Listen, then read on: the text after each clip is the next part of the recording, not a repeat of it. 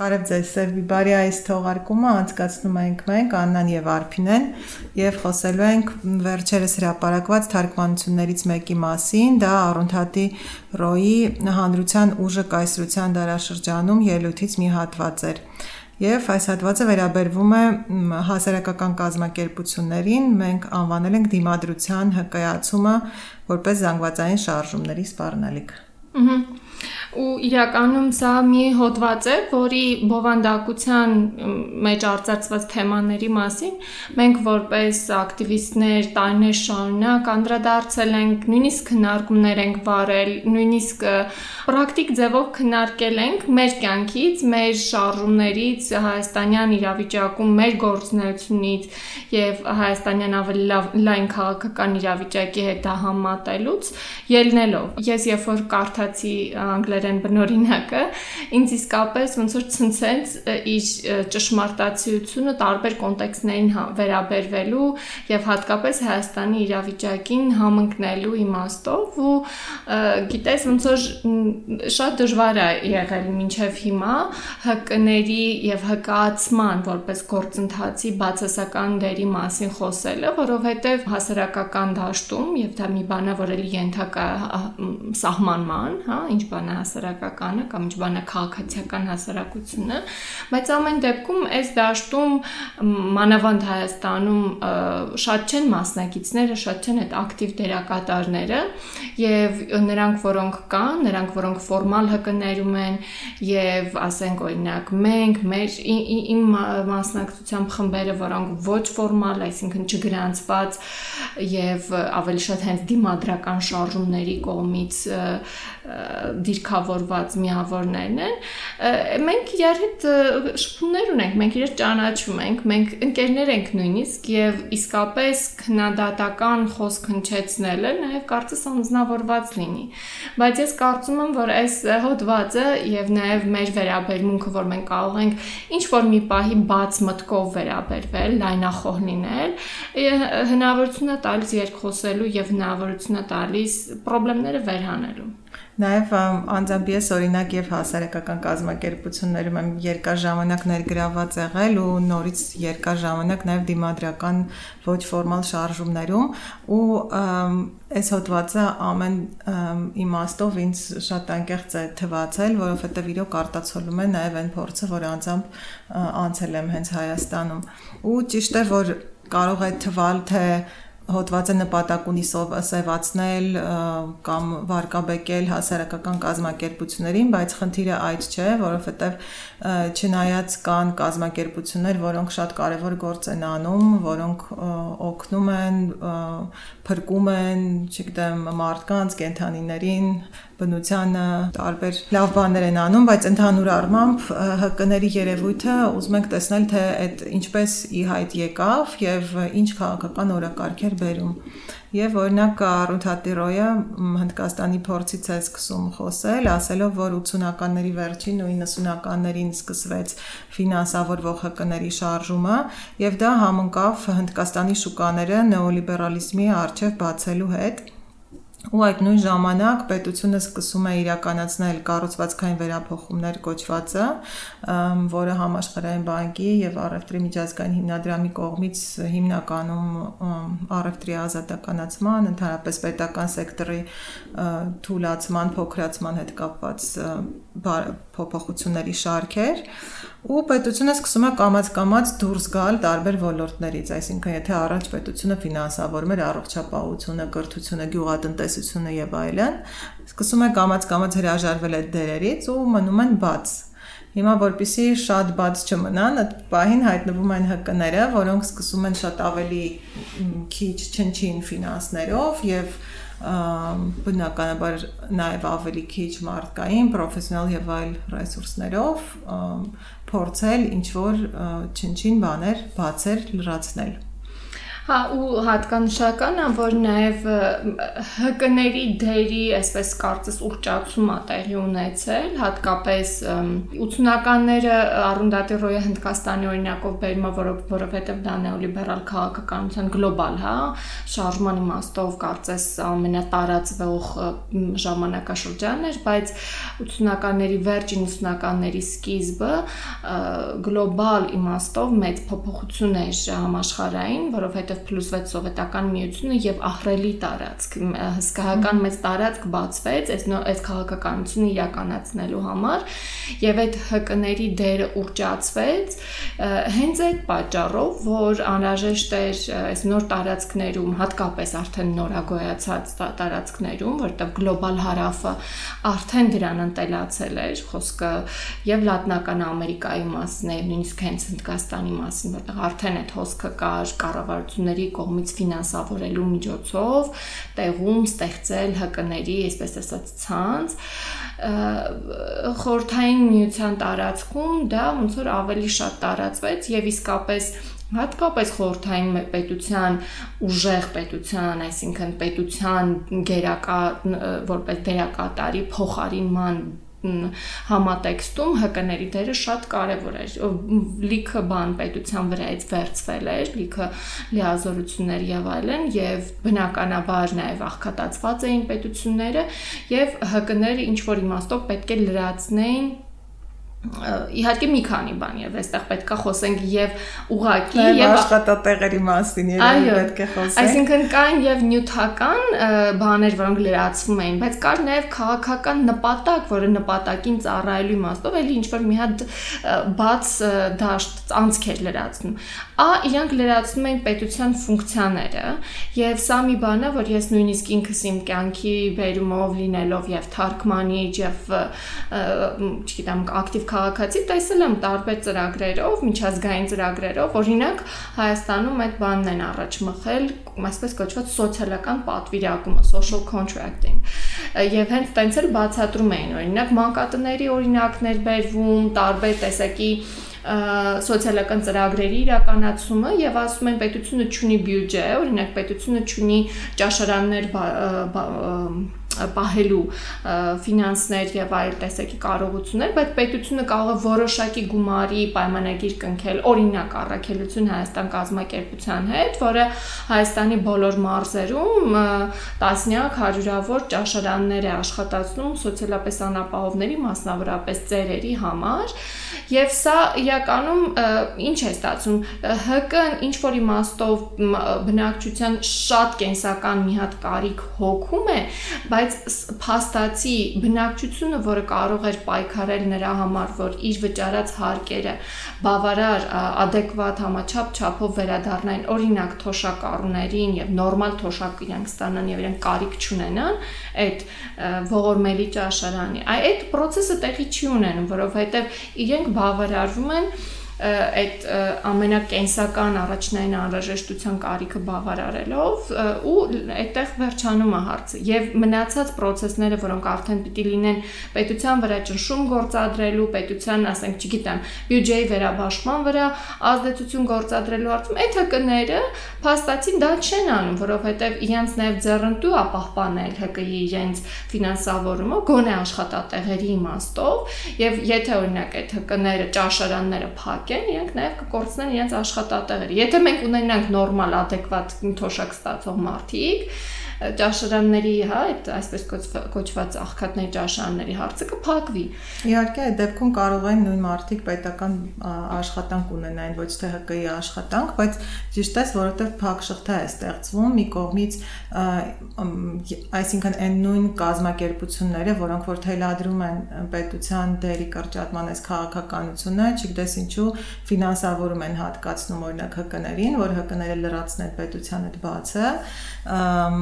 ու այդ մարտիկ, ովքեր որ հիմնականում ՀԿ-ներում ներգրաված են շատ ակտիվ, որոշակի բողոքի պոտենցիալ ունեցող, նաև տենց բավականին ավելի շատ կրթություն ստացած մարդիկ, ովքեր որ եթե չլինեին ՀԿ-ները, գուցե ավելի ռադիկալ ձևերով կարողանային արտահայտել իրենց բողոքը ներգրաված լինեն տարբեր շարժումներում, բայց այս պոտենցիալ կարծես թե մարում է, որովհետև մարդը մտնում է աշխատելու կազմակերպությունում, մտածում է, որ ինքը լավ գործ է անում, դրա փոխարեն նաև վարձատրվում է ու աստիճանաբար սկսում է այդ ճահիճը քաշել, որովհետև ժամանակի ընթացքում նաև ես կարող եմ ասել հկկայում ներգրավելու փորձից, որ սկսում է այնքան շատ լինել զեկույցների, պրոյեկտներ գրելու, կազմակերպչական աշխատանքներ անելու աշխատանքը, այնքան շատ լինել, որ իրականում ժամանակ չի մնում բուն գործունեությունը անելու համար։ Հա, եւ հենց այդ դրա մասին ռոյնել է, չէ՞, խոսում եւ ես ինքս իմ ծանոթների հետ շփվելուց էլ գիտեմ այդ ահրելի բեռը, որի տակ ՀԿ-ի աշխատողներն են, որովհետեւ մի կողմից իրենք ասում են, որ մենք մատուցում ենք շատ կենսական նշանակության ծառայություններ, օրինակ բերենք բերենք կանանց ապաստանների կամ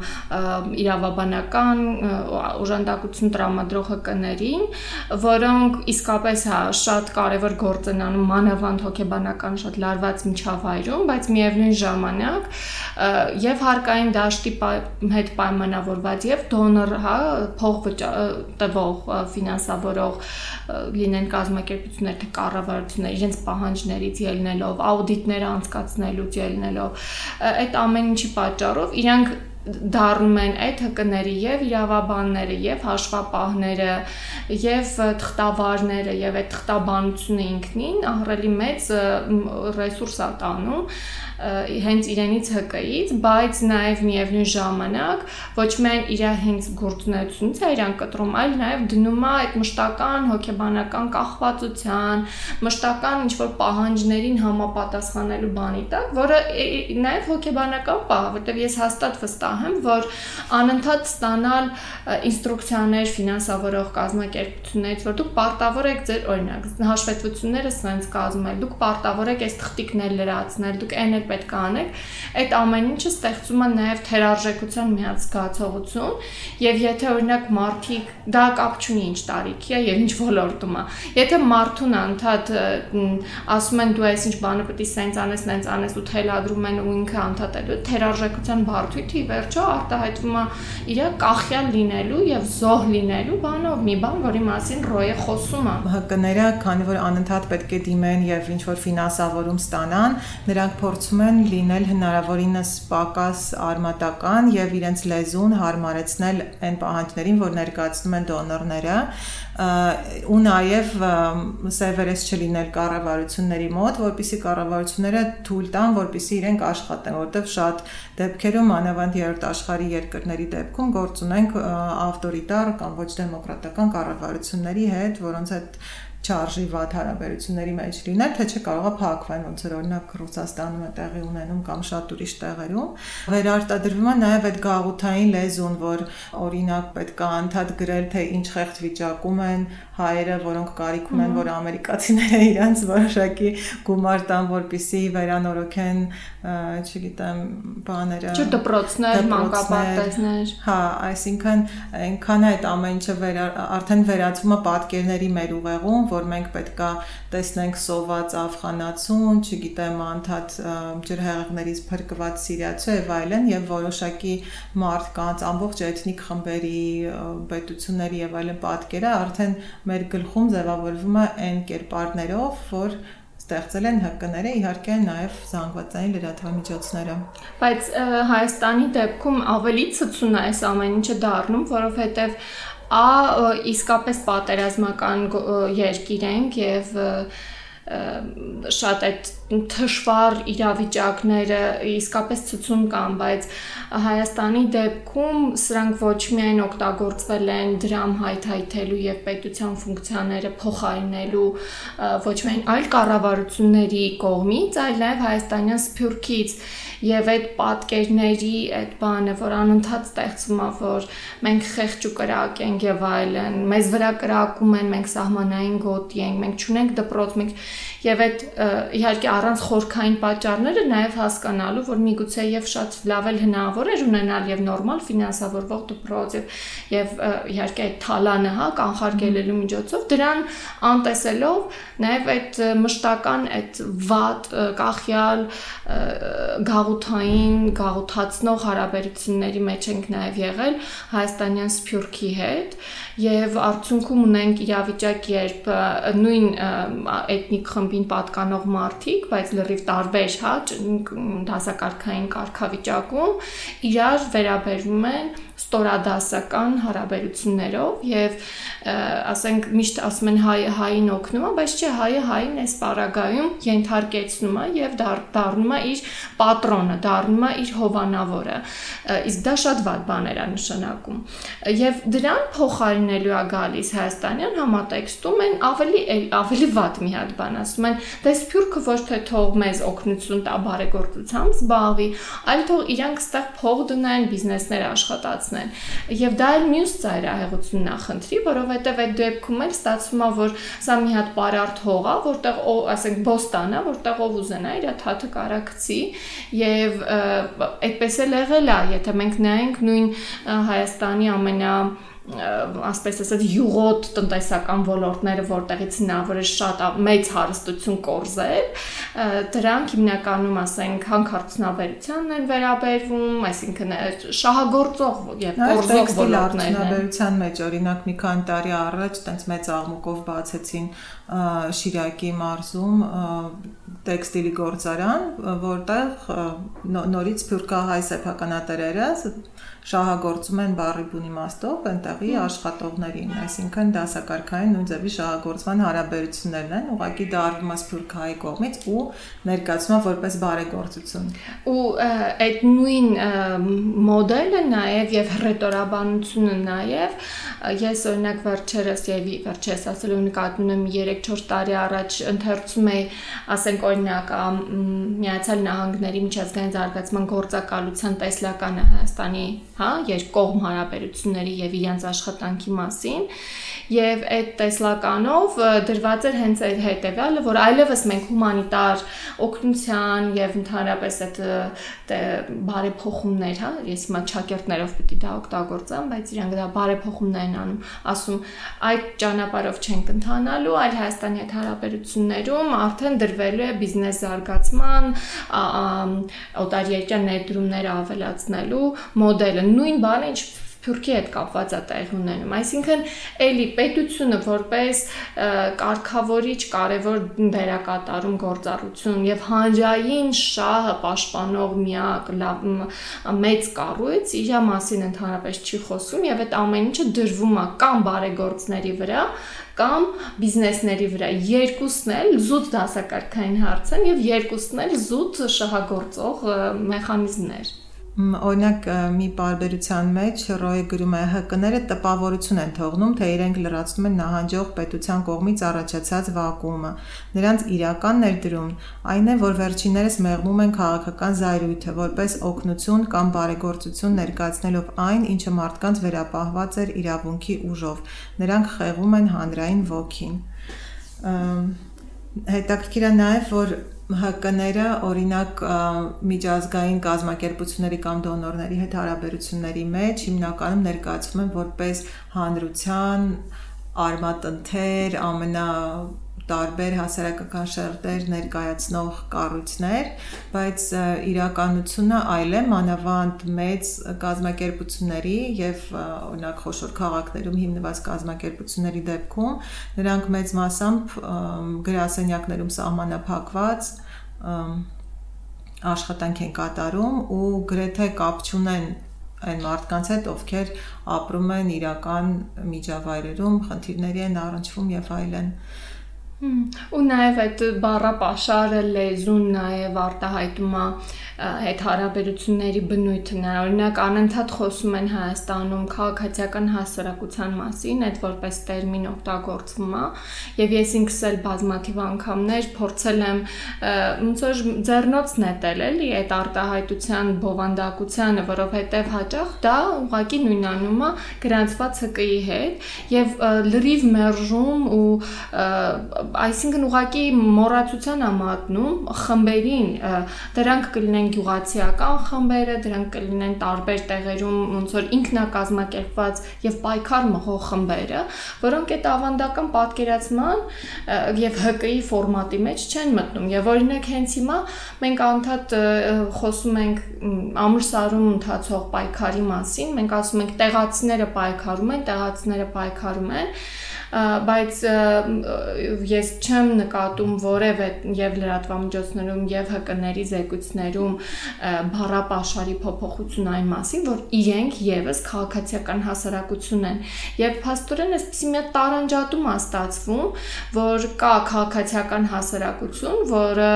իրենց ներկայացնում է լավ հագուստ ունեցող, որոշակի աշխատավարձ ունեցող, Երևանյան կաֆեներից օգտվելու կարողություն հնարավորություն ունեցող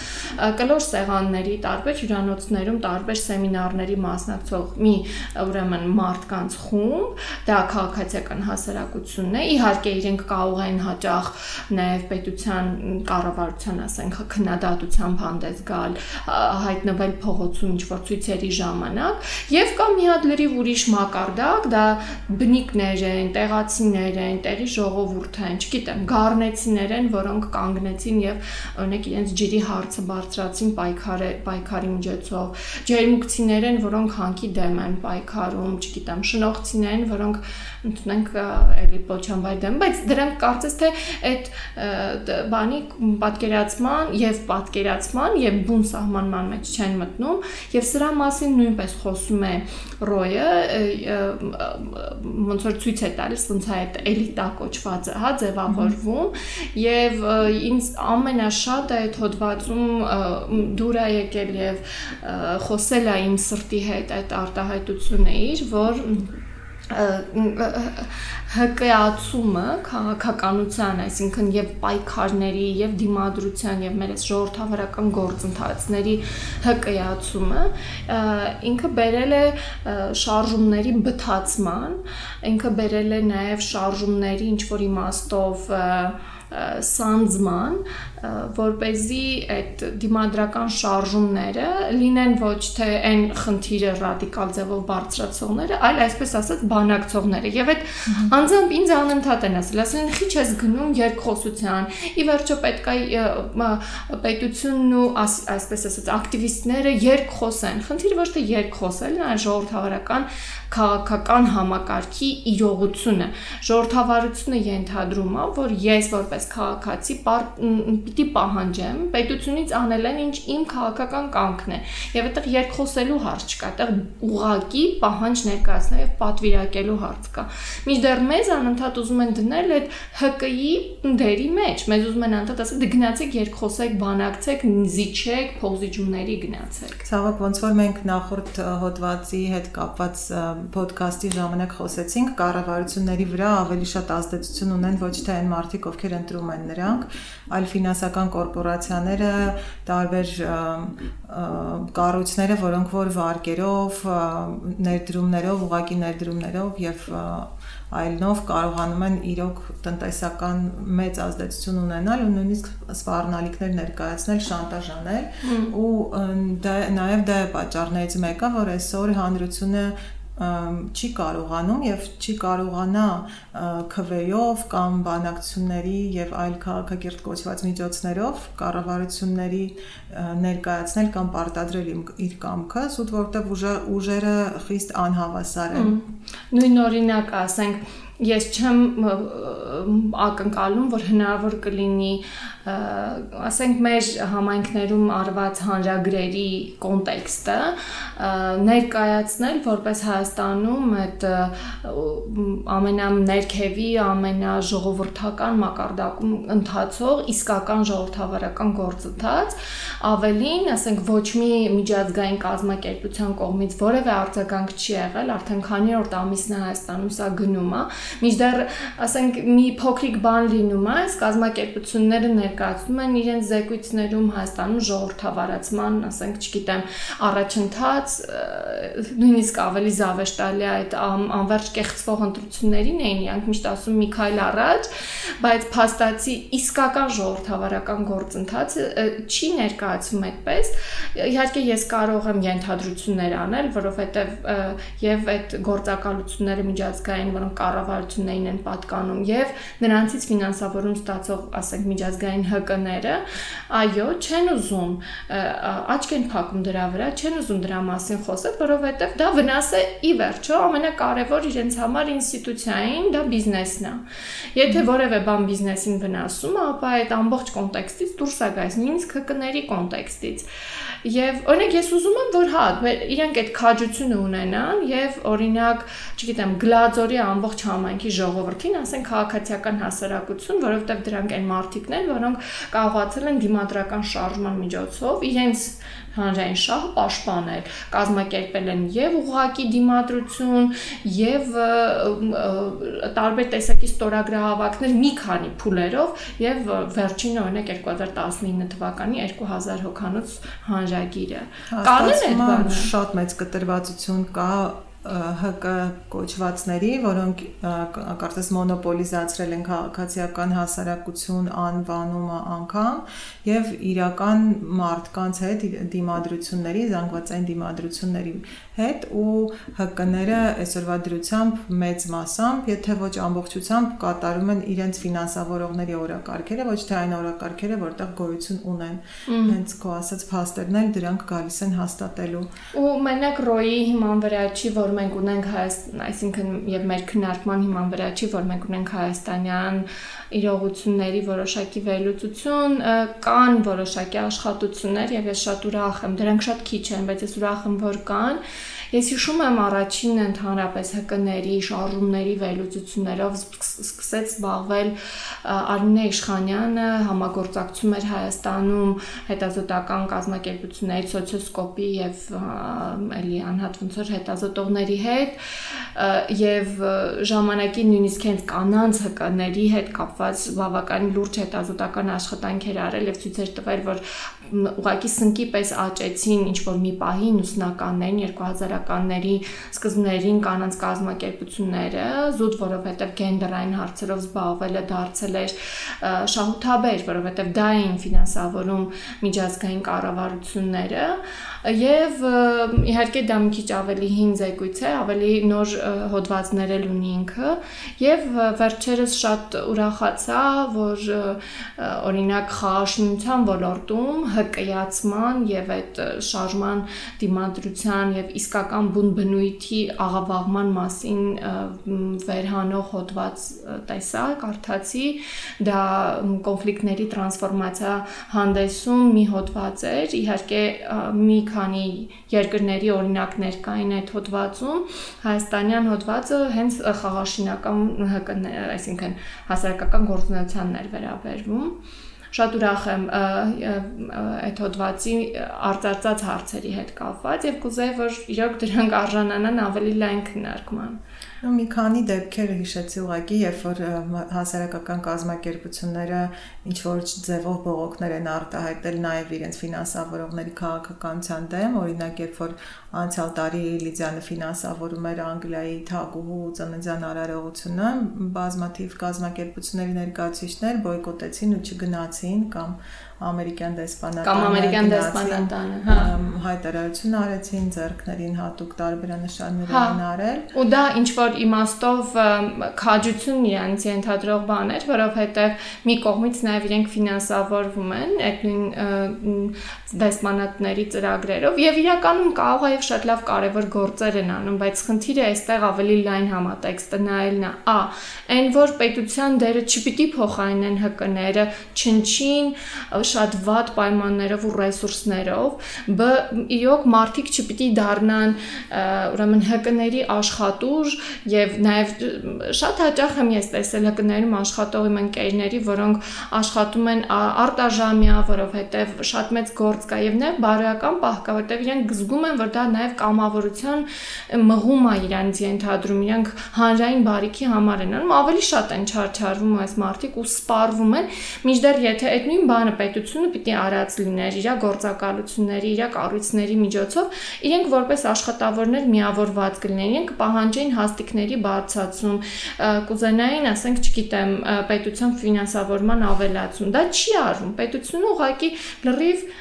իր վրայից գցում է իր պարտականությունները այդ հկների վրա։ Եվ ի վերջո ամենակարևորը, որ ՀԿ-ները չպիտի լինեն հասարակական զայրույթը մեղմող եւ դա բթացնող բուֆերային գոտի։